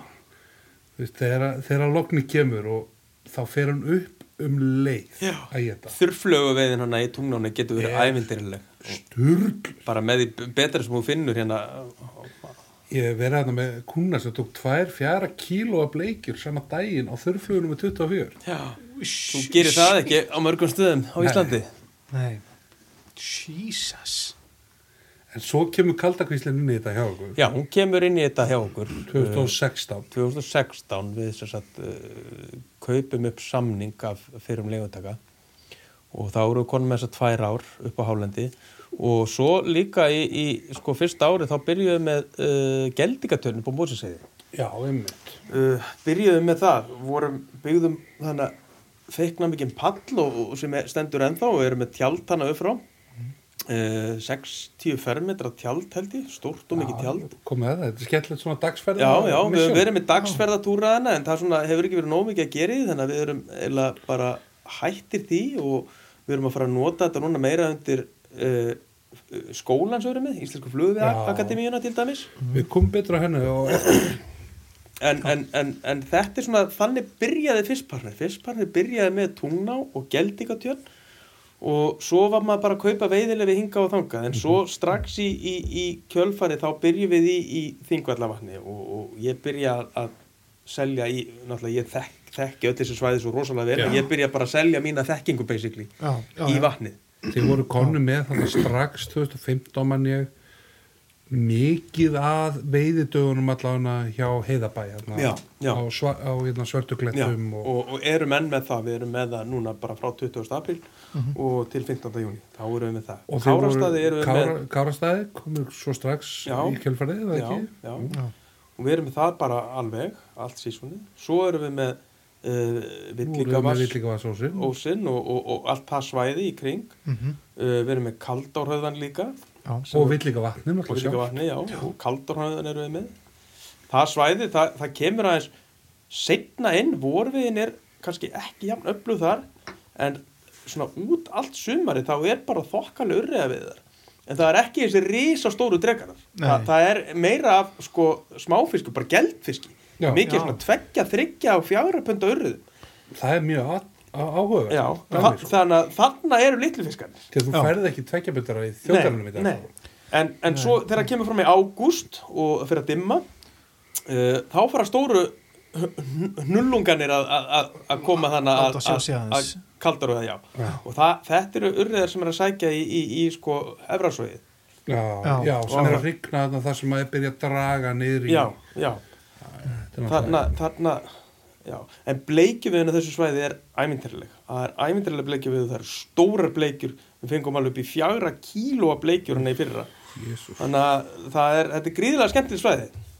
Og stutt að fara. Stutt að vera, já. stutt að fara Og ef þú Ekki ert orðin leið, ég veit að það er svo margir orðin leiðir á mann þröngin í þjóðgarðinu Þjóðgarð. Já, eftir að blessa veðikortið sem hefur nú gert mjög mikið verið í já, Íslandið. já, já, við erum Þá er nú- þá náttúrulega eru, eru, eru gallar á, á gjöfum það njarðar. hefur svona Það er kost og galla. kost, Já, já. kostir og gallar, já, vissulega sko En hérna, þeir eru nú, þeir eru nú líka víðar. Þegar við erum með svæði í umbósölu, Já, við höfum verið með ímislegt. þeir voru með árbótina hérna strax Já, já, 2015. hún kom strax í Mhm. kjölfarið og svo erum við líka með Sigrafjalla í Lagsöfi Aldal. Uh, við erum með sem að blöndu kom mitt í tali í síðasta þætti, frábært þurrflöðsvæði í, já, já, ofalega í, í, í Adalum Já, já, og var, og síðast viðmældi hann, hann rafni mitt veitti þar Marílasir, að ekki? jú, Jú, já, ok. En, en hérna, uh, já, það er mjög skemmtilegt turflaus að þið, alveg gríðala. já. En svo eru Mikið- komið með mikið af gljú, fiski. gljúfrána, eða ekki? Jú, við erum að, við erum að selja í, í gljúfuráluna, bara Í- í samstarfi við Björsa og Pétur í Já, Vestalmi. já, Já. já. Uh, við erum að, uh, s- við erum með, hvað Þeir eru með Blöndu, þarna fyrir ofan varstu að segja? blöndu. Já, blöndu heiðina. Þeir eru með seiði sanna. Segði svona og alla kvíslar sem er renna í er það sem þá sagt- fyrir þetta er ofan svæði Blöndu. fjögur eða, eða? Já, já, þetta er frá blöndu lón Já, Við þetta erum sem sagt er með- við erum Þetta er með- það sem- þetta eru átna sér renn út í blöndur. já, já, já, Við já, já. erum sem sagt með blöndu lónið og alla efri blöndu fyrir ofan það og alla hliðar ár, þetta eru sjö ár já. og við, þetta var fyrsta ára okkur núna og þetta kom rosalega óvart Þa- þetta var bleikju paradís á árum áður Já, akkurat núna er bleikja nánast horfin það er mjög lítið að bleikja þarna En það lónin. en þetta eru lónin- bara urriðar Já, og þetta eru, þetta eru gríðalega fallegar urriðar þetta er ekki magnveiði en þetta eru Þetta er svona- stóri fiskar Kristján, ég held að þetta sé eitthvað sem að mjög margir íslenski veðmenn sé að fara með sér. alveg pott já, já, já, ég meina- Langar ekki öllum helst að vera veið í ykkurum ám. Þetta kostar ekkit mikið hjá okkur. Nei, alls ekki. Þetta er eitthvað um uh, 8000 kall eitthvað svolítið stöngin og þetta eru, það eru 8 stangir á svæðinu já, í 7 ár og þetta eru ábyggilega hátt í 100 km af, af Við- hérna við- bakkalengd ef ekki meira. já, Þarna geta menn farið, kasta púpum og strippa strýpera og ég þekki hérna sænska blaðamenn sem að fóru þarna til henni í sumar sem að letu greiðlega vel að sér. Já, og það kom hann að grúpa af, af einmitt svíjum í fyrra mm. keiftu balt svæðið í fjóra daga já, uh, þau eru að koma aftur núna í viku. Þannig að já. það er eftir einhverju róa. það er eitthvað já. En Þa, Ég- þarna er á- á- stærðin er bara 2 til 10 pund eða eitthvað að urðin Við höfum nú ekki fengið nefn 10 punda fiska. Þetta eru svona Þetta er- 25 pund. Já, Tvö þetta til- þetta- na, tvö til átta pund hvað svoleiðis. það ok, já. er geggjað sko. Þetta er mikið svona fjagra, fem, fjagra fimm punda fiskar Mjög skemmtileg stærð Og í sko áma skemmtileg stærð, við erum að tala um svona uh, frá korpu upp í, upp í hérna. Segði þess að nú er nú ansið drjú Já, ég, ég var að fara að segja, frá korpu og upp í kannski haugadalsá eða eitthvað svona. Segði þess að hún er vassmeiri en haugadalsá Er það? Er, Já, er, er hún eitthvað svona 10 rúmmetrar eða já, eitthvað? já, já, alveg klárlega En það er náttúrulega greiðlega skemmtilegt Já. vassfall við að eiga. Já. Algjörlega, sko, Já. algjörlega En það, er, það eru fiskar í þessum ám uh, Alveg frá því að við opnum og, og, og, en, en það eikst fiskur nýðinni þegar það kemur fram á sumari Þegar það komið svona fram í segir að örðin fyrir að koma úr lóninu Já. fyrir að huga hrygningu Já, svona upp úr júli og í ágúst og inn í september, það er besti tími eftir vestlumunahelgi Já. þegar að vera að koma myrkur á kvöldi Akkurat, Já, það er þá- einmitt þá sem er besti tími það verður allt brjála en ég held að, að hérna já, þið, þú ringdir yfir tímið þegar þú segir að vera að koma hefur farið þarna, lalala ég bara ekki, heyrðu, þetta hljómar ógæsta spennandi fyrir marga og þetta er náttúrulega lapp og barningur og Já, en, en að vísu seiði sáin það er hægt að keira með fram Já. henni nánast allir En já. ég held En- að sé samt bara ógæsla margir sem að sjáu þetta, sáu into the wild Já, já, emmitt Já, já, Þeir eru bara til í að fara þarna, sitja á etti vetter og, og, hérna, bara og láta sig keyra, hverfa labba. inn í hálendinu. já, já, akkurat Gleyma Það er sem sagt sér. Frá brú og niður að ós seiði sá, það er hægt að keira, hún er nokkuð aðgengileg Fyrir ofan brú, Mm. Já. engi veir og allar hinar afnar, það er bara lapp Það er bara, það er bara já. Þegar nú verðum við putan í fleiru, þegar við erum við putan í Skarsá, er það ennþá? Nei, það samstarf gekk ekki upp, við fórum líka hans í bakka og í bakkafyrði, Já. mjög skemmtileg spræna, það gekk ekki upp Þetta er bara ólangt í burtu. N- Já, eða, eða, eða svona landegenda deilur kannski frekar Já, já. Já, já, Þannig við, við, stemning. við þekkjum það. Já, sko, að- Torfastæði sóginu voru við líka, þar var sama sagan uh, ímestlegt meira Mhm. Já, já. hamrar, byrjuðum að selja hamra í, í kvítá, þar sem að ósinni kvítá og brúur á reyna saman Já. uh, það var eiginlega bara alveg ömuleg veðar í fyrra og við viljum nú kenna því um bara það var svo rosalega mikið vatn í kvítáni já, að við heldum að, að lagsina var bara strauðað upp úr en það var Já, gríðalega og já. sílungsveiðar að vísu en, en þeir við voru sjáum líka með, g- hvað voru ekki með grafará og jú, vorum með hana líka Já, já, en þú veist, þetta er náttúrulega bara eh, alls konar, þeir eru búin að vera rosalega duglegir, myndi ég segja, þú veist, í svona alls konar þreifingum og já, við- já, við svona skemmtilegt að sjá hvernig þetta hefur komið saman og þetta, þetta byggist, má ekki segja, þetta byggist allt í kringum eiginlega selungsveði og með svona, svo eru þau samt með svona þannig að þeir geti hent mönnum í lagsáan. jú, jú, en, en við Þannig að erum ef þeir eru að gera tilbóð í einhver, einhver viku veiði, já, Það eru kannski með orðinu þrjá daga hér, þrjá daga hér í Silungsveiði og kannski endar á tveimur dögum í Gljúfurá Bara eða Árbót. Ah. alls konar, alls konar við erum líka að- að- að líka að hérna, vinna mikið bara með hinum í bransanum Já, við það kaupum ekki. mikið að leifum að þeim og, og, og endur seljum það Já. Finnst þér það ekki að batna svona samskiptin innan bransas? jú, Líka með svona samstöðinu gegn fiskaldinu og svona. algjörlega, mér finnst það það er bara í svona litlu samfélagi og svona litla markaði eins og hérna þá þýðir ekkert að vera hver í sinu horni menn verða, verða bara að vera saman og, og, og vinna hlutina saman er það ekki, það Ég er bara fann að gera samt allt oft svo vera svo mikil skemmtilega öfund eða svona baktal eða eitthvað svona fyrir kannski 10-15 ára síðan.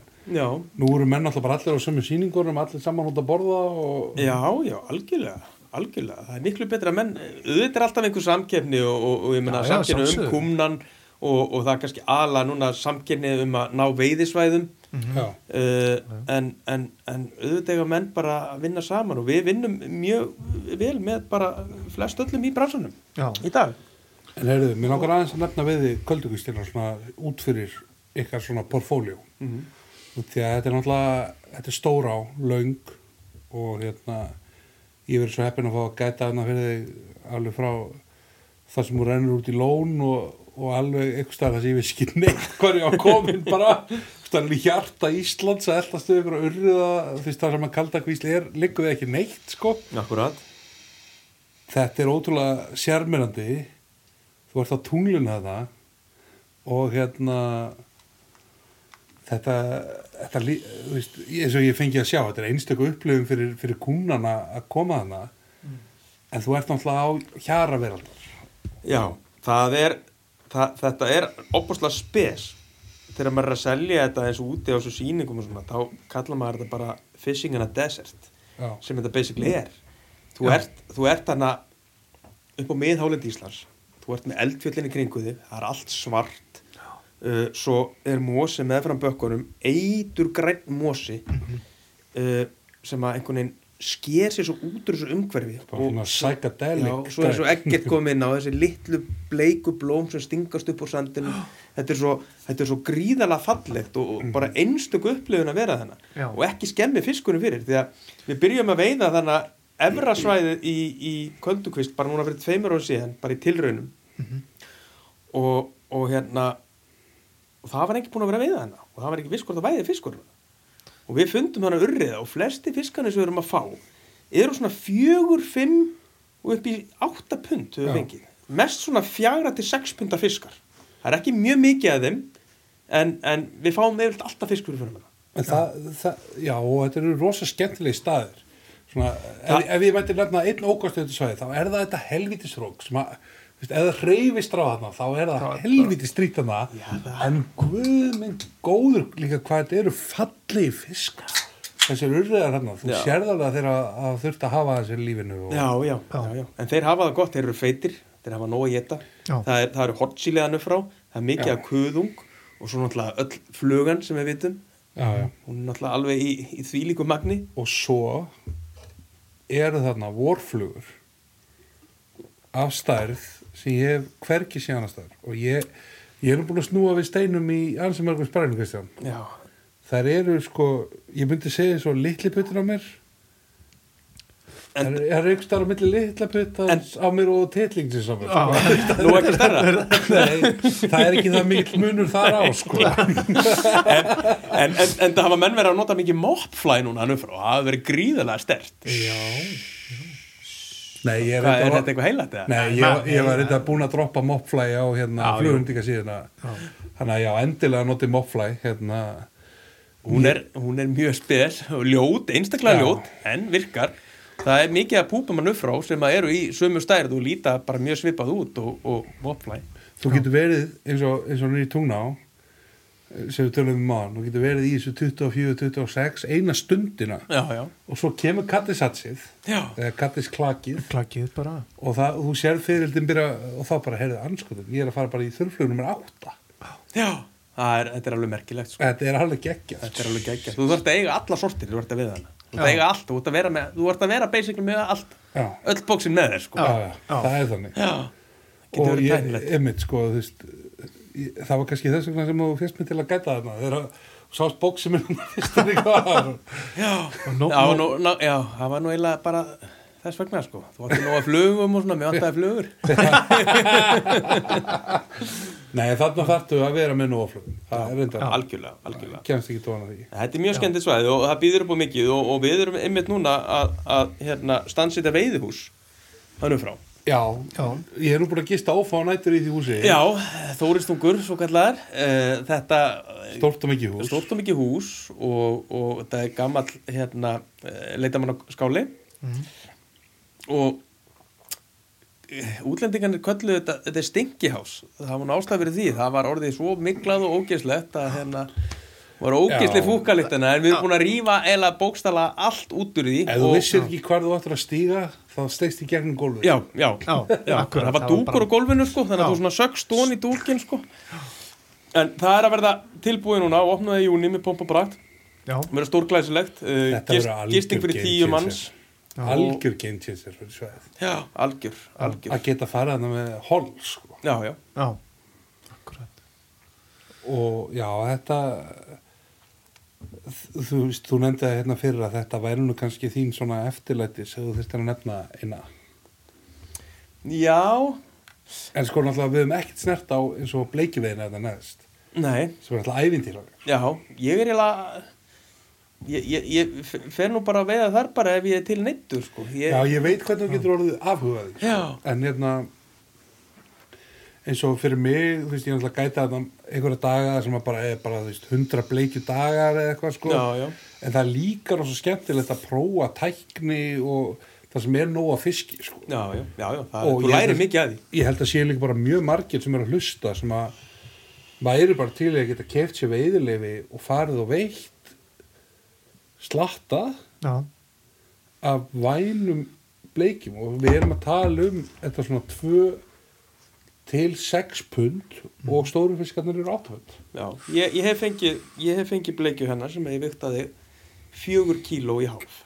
já, já, ég, ég, ég hef fengið bleikjur hérna einmitt 3,5 kíló Já, þannig að þú veist, og ég hef mist, mist fiskar sem ég hef séð, veit að ég hef séu séð stærri. tíu punda bleikjur hérna, hennar og hann Já. að kleppa hann. já, já, ég get alveg, alveg, alveg votta fyrir það já, Já. já. þið En eruð það er ekki- gríðarlega skemmtilegur urriði líka í ánni og urriðin er að aukast eftir að sem sagt, uh, áin var, var virkjuð uh, og hérna sporðöldulón var til þá Mhm. var eins og urriðin hafi aukist í neðri ánni og það er að komna, komnir mjög skemmtilegur urriðar í, í, á marga staði.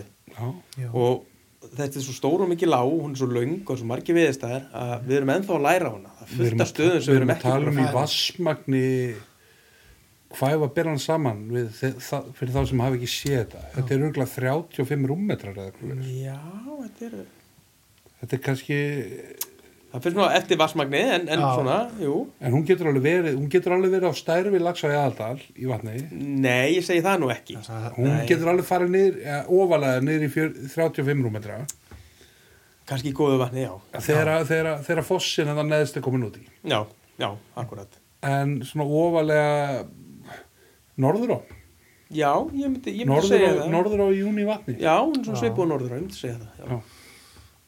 þannig að Strítt þetta er, og mikið þetta, vatn þetta er og- engin spræna nei, þetta er nei, engin nei, þetta er þetta alveg er á alveg sko. þetta er alveg rá það er ströymur hann sko. En hérna, þið stopnuðu svo flugviðaktimina. flugum við akkur meðan, já Það er gott framtak. Það er gott framtak. Ég er nú búin að vera, var nú búin að vera með þá flug í hausnum hansi lengi. Já. Uh, ég var að gæta eldgamlan mann, breyta, Sir Evan Bevan.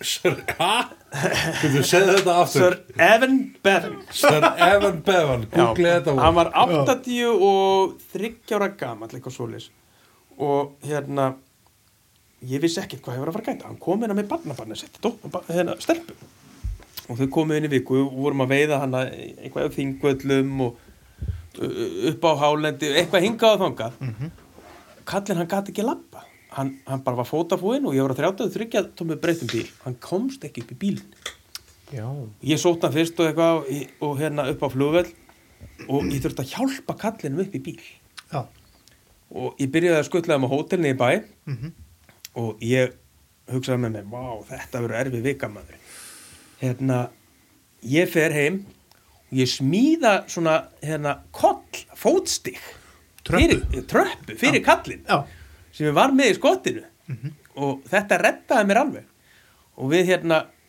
fórum og veitum og, og, og hérna uh, fórum til dæmis í að veiða á æjónsvæðinu í hérna Ölfusvassar ósinn og kallinn, við röltum niður yttir og ég tók með mér svona tjaldstól og eitthvað svo hann geti setið og, og svona haft það notalett svo voru komin hálfa leið tilbaka hvað held sér langt, 200 metrar þá bara gafst hann upp, hann sagði bara ég get ekki meira, ég er bara svo þreyttur ég bara get ekki meira búinn ég held á kallinu ég held á kallinu upp í bíl og hérna síðan enduðum við túrinu að fara upp í Geldingatjörn við fórum bara á bát og vorum að trolla þarna og svo borðum við mat í, í, í tjaldinu og grillaði fyrir það og svona og hann sagði við mig að heyrðu þetta, okkur stopnar ekki flugveið í skóla og þetta er að stopna flugveið í skóla ég sagði nei, ég, það virkar ekkert það Það er ekki business í því. Nei, ekki business í því og eitthvað. En svo var þetta búin að ve- svona gafrast í hausnum á mér Mhm. í nokkur ár og ég var komið fullt af hugmyndum í kringum þetta og ég ákvað bara að slá til, slá til. prófa Og við byrjum með pompoprakt. Við, hérna, ég legði uh, íþróttahúsi í hlýðaskóla Mhm. mm. uh, einsinni viku og við vorum með kastnámskeið hana, uh, hálsmánalega og svo opin hús uh, þess á milli sem fólk gott koma á eftir sig. Já, Við þurftum- og með sko vottaða kennara og... Já, með Já. vottaða kennara. alvöru, alvöru Já, við gerum þetta bara alvöru sko. já, og við þurftum að sko, uh, slaufa eitthvað af þessum opnu húsum þegar það var svo mikil eftirspurn en Þeir þetta- voru með hérna Nilshúsið sem var bara, ég sá myndi frá því, það bara fylltist. Já, já, Troðfullt. við, vor, við vorum með stangasmiði uh, með honum Herra Gunnari Herra Gunnari, já. Mhm. kýrst kalla sig það var uppselt á það námskeið uh, við vorum með, með uh, flugurhindinganámskeið Mhm. uh, við vorum með uh, skal ég ykkur segja uh, How to catch the big one með hvernig skal fanga það stóra með, Nils Nils. það var líka uppselt á það Já, já. Uh, við erum ábyggilega síðan ég byrjaði núna í vetur með þetta nefnir eru ábyggilega komnir eru örglónir 300 eitthvað í kringum 300 manns sem eru búin að koma hjá okkur. þannig að þetta er algjörlega búið að slá í gegn Já. Má ég kom með fyrirspurn á, á hérna... og næst- býtu, svo námskrána voru, næsta veitrar. svo voru við líka með ljósmyndanámskeið með, með Matt Harris frá Bretland það var alltaf, það... Og- og- rosalegt. hvernig átt að stækka Það var- viskin þegar þú átt að taka það var myndina bara slepp. Nei, þú veist, hann kom inn, hann flög hérna flög hingað það er náttúrulega einhver fræðasti veðilöfsmyndri heimi Ha- hann er fremstir ve- eh, já, já, ég ljósmyndari heldur við heimi þurfum by ekki að far rífast um það Nei. flög hingað, tók námskeið og flög heim bara, já, Já. en það, þetta er sko mér finnst þetta svo skemmtilegt um fyrstpartner að hérna jú, þeir, þeir, þeir eru fyrirtæki sko. Jú, jú. og, en þeir eru með eins og til dæmis flugveðsýninguna eina, svo ætlum við að koma inn á, á rétt, rétt já, eftir. en fyrstpartner er ekki með fluguveinsingum Nei, nei, Bara- en, en þú veist, Kom svona, sama fólki stendur á baku akkurat já, uh, hérna þeir eru með þessa akademíu þú veist, þó það sé kannski penningur í því eða kannski ekki Þú veist, þeir eru hérna þetta, þetta, þetta var aldrei sett á laggina til þess að Græ- einhverja græð gróra Nei. starfsemi þetta er frekar bara fræða fólk og, og, og búa til nýja Búa veðmenn til sem nýja er veiðimenn. in the long run good business nákvæmlega þeir, Betri- þeir komu betri hérna veiðimenn. fyrirbræði við okkur strax bara er eitthvað sem við getum gert fyrir ykkur þeir eru að gera góða hluti fyrir sportið Mhm. þú veist, eh, við erum eftir, kannski eftir að finna einhvern flöt á því, en, en hérna mér langar bara að þakka þér Kristján, þú veist þeir, þeir, þeir eru ekki bara svona þessi gráði veiðilega sali, sko. þeir, þeir eru að hrúa sportinu líka þú voru að gefa líka já, já. Þú voru að gefa þér það er bara svo leys maður verður alltaf að græða eitthvað og gefa með því sko þannig að Já, nákvæmlega. Já, það, er ekki, það, er ekki, það er ekki nóg að taka, þú ert að gefa líka. Já, nú- nákvæmlega sko En já, mér langar bara að þakka þér fyrir það. Mér finnst það svona virkilega skemmtilega, skemmtilega pæling með þessa flugvið akademíu Já, og, þetta er, og eins með flugviðsyninguna, svona bara svona natural transition yfir í það, þú veist. já, Þegar, já. Já. það er kannski annað félagi en þú veist, þetta er sami mannskapur eins og ég segi. Eh, Jú, jú. Uh, sko, Stjáni B. náttúrulega var alltaf með þessa sýningu Ræs, og ræs.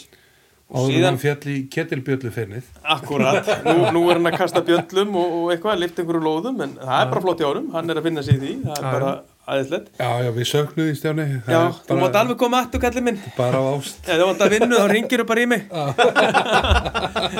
en, en hann auglýsti á Facebook að hann hygðist leggja þessa sýningu niður því að hann hefði bara eh, ekki getið að gera þetta lengur og ef einhver vill taka, þessa, taka þetta að sér þá var það frábært og ég ringi strax í hann og bara ég er rosalega áhuga samar og svona og, Mhm. og hérna langar til að gera það en, en svo einhvern veginn þá kom svona svolítið bakslæði þetta af því að maður er sjálfur í bransanum og, og hérna, þú veist hvernig þetta myndi líti út, maður myndi alltaf að fá samkeppnisaðalina til að koma inn í þetta messur og svona, Já. þetta einhvern veginn kom svona Ert þú að fara að selja öðrum veiðilega sölum bás á þinni síningu? Já, nákvæmlega, þetta var ekki einhvern veginn alveg að passa en svo kom hann Gunnar kollegi minn með þessa snildar hugminn Pedersen. Að- Já, Gunnar Pettersen að við ættum að gera þetta að sjálfsegna stofnun og sem við gerðum við þess að stofnum, bara sjálfsegna stofnun og látum allan ágóðan renna til eh, eins og ég vil kalla góðgerðamála Já, þa þa Og- það er hvað þá Iceland Wildlife Fund eða? uh, við núna uh,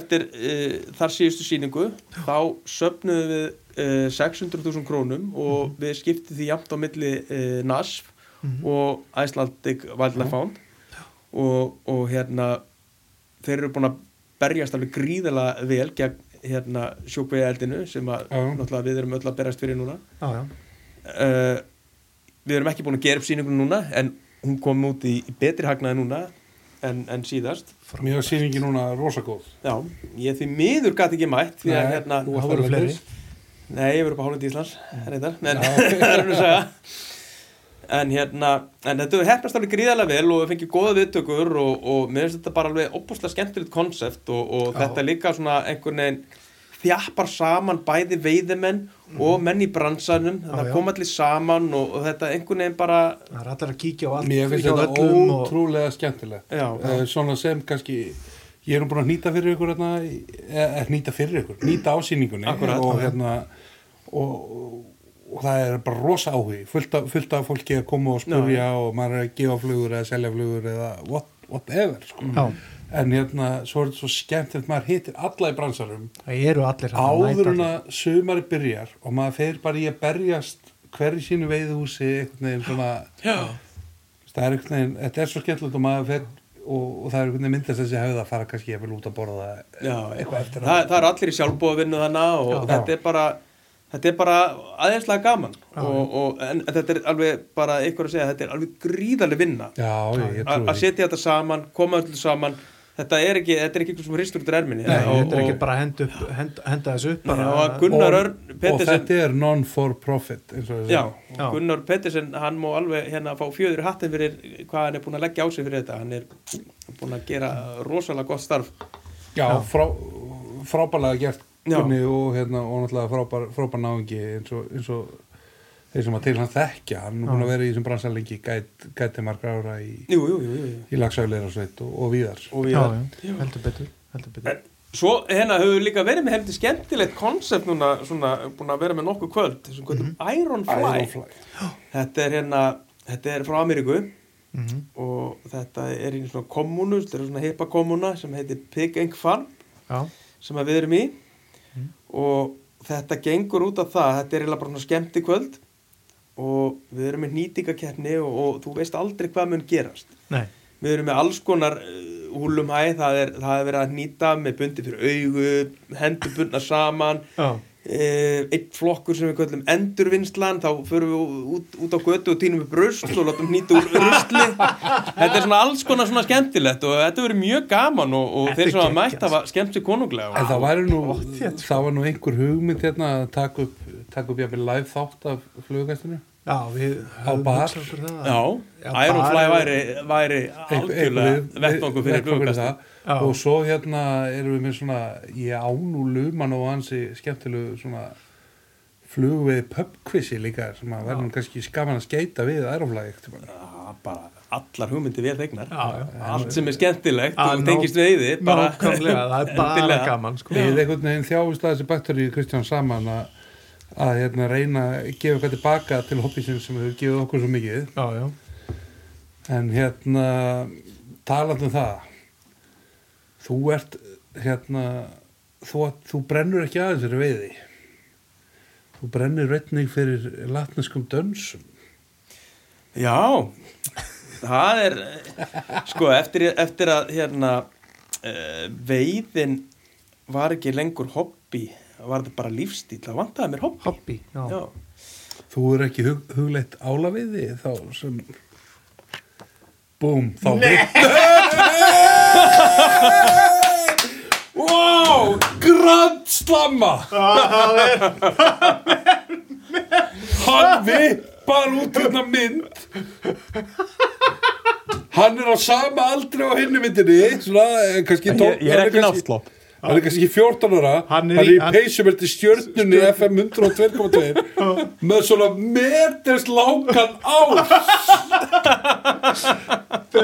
ha þetta er rosa vörðu marinn Já, Ég hef tróttu þessu raskaðu þér, sko. nákvæmlega, Ah, vörður ég hef nú maður veit hefur á nú kannski sett í ófáa þennan. álana, getur þú hefur veitt ófá ála Já, hefur veitt ála á flug Ég- ég reyndar, þá ég er jörglega einn af fáum á Íslandi sem hef húkað ál á Black Ghost. Í, hvað var það?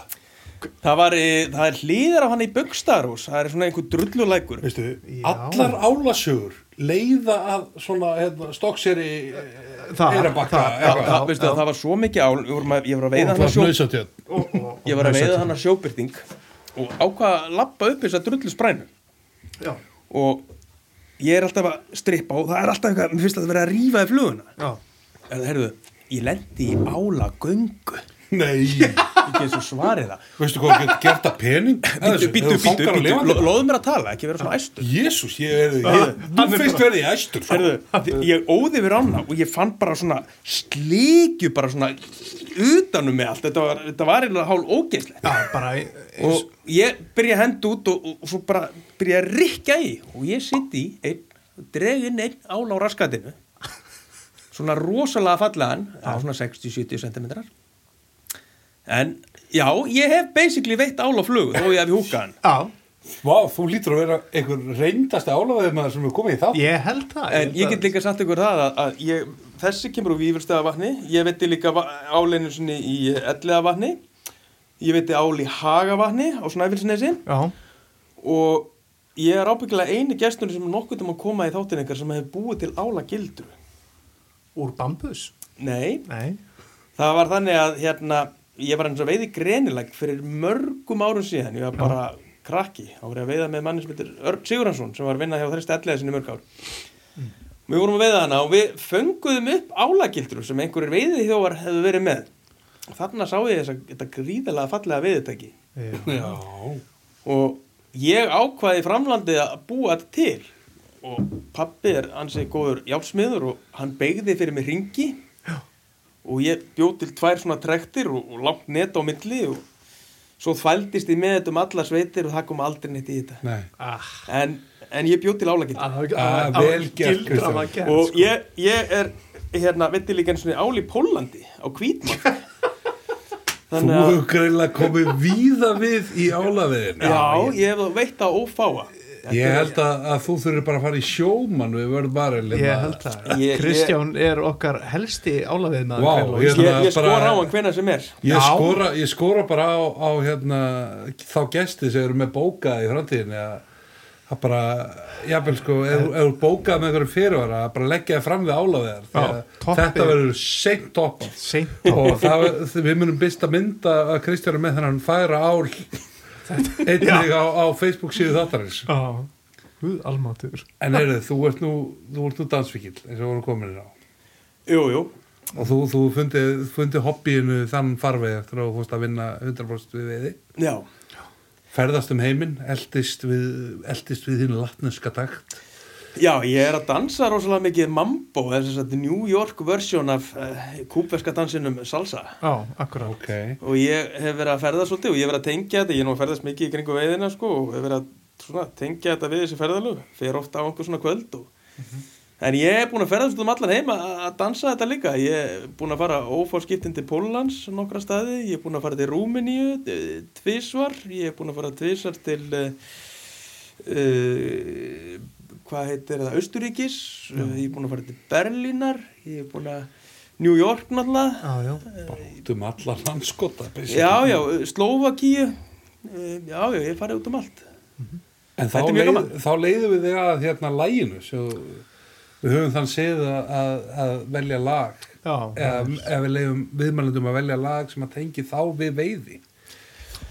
Já, já þið- þegar Þú á valdir basnum- að segja aðtillisvert lag. Já, þegar á basmiðum að velja lag þá einhvern veginn varði ég svolítið stopp og, og hérna því að ég er ekkert mikið að hlusta á einhverja músík þegar ég er að fara að veiða Nei, en þegar ég var að pappi var að skuttla mér á þingull sem krakki þegar ég var að fara að veiða þá var hann alltaf með kasettu í bílnum Já, með portugalskum tónlistamanni sem heitir Quimbareros já, og ég hlustaði alltaf á þessa kasetu þegar við vorum að fara að veiða og hann var að skuttla mér eitthvað að veiða og, Já. og, og, og þetta einhvern veginn bara svona já, þetta einhvern veginn tengi ég við veiði já þetta er sennilega með leiðilegri hérna, lögum sem er það spiluð í þessum þætti en, en, en hérna Það eru nokkur skrítin búin að koma sko, en, en uh, já, ég veit ekki sko það er svo margt sem að maður tengir ótt við veiðið sem er mjög skrítið sumir eiga einmitt s- s- skrítin moment eitthvað við veiðir og, uh, veiðar og mm. þar á meðal oft lög sem að maður, ha, býtu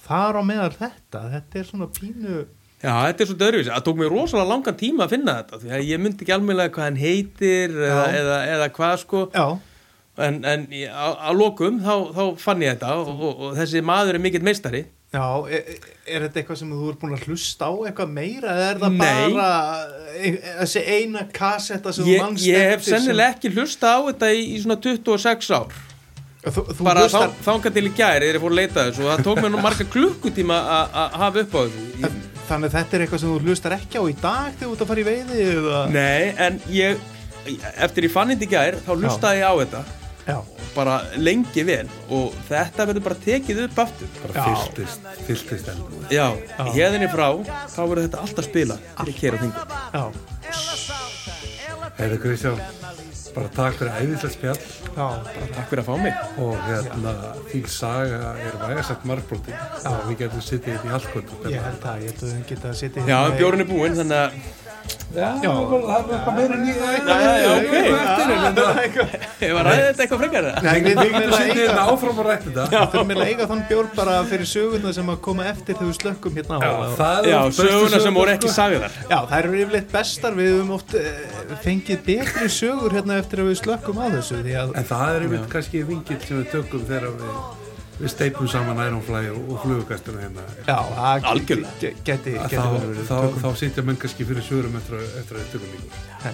En Kristján, takk enn og aftur fyrir að koma til okkar og eigða tímaðinum með okkur Og Mín var eigðu- ánægjan. eigðu bara yndillegt sögumar. Já, Já, bara sömu leiðis góða skemmtur Takk Já A Maria é jornaleira, é um caso de polícia. Ela bate, ela salta, ela tem muita malícia. A Maria é jornaleira, é um caso de polícia.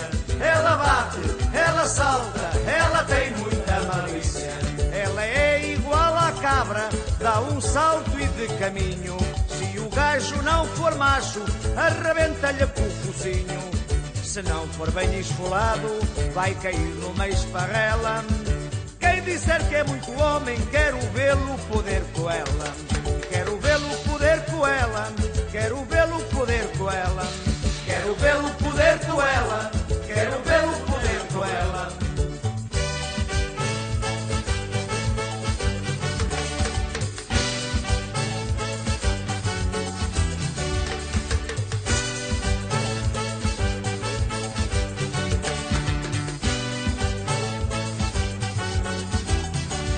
A Maria Jornaleira é um polícia, ela bate, ela salta, ela tem muita malícia.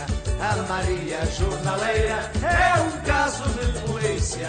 Ela bate, ela salta, ela tem muita malícia. Quando a Maria se irrita, faz o mundo revirar. Pega no pau e vai à luta, bate e salta sem parar. Conheço aquela fera, é sobrinha do Zé do Bode. Quase ninguém acredita, mas com ela ninguém pode. Com a Maria ninguém pode, mas com ela ninguém pode. Com a Maria ninguém pode, mas com ela ninguém pode. Com a Maria ninguém pode,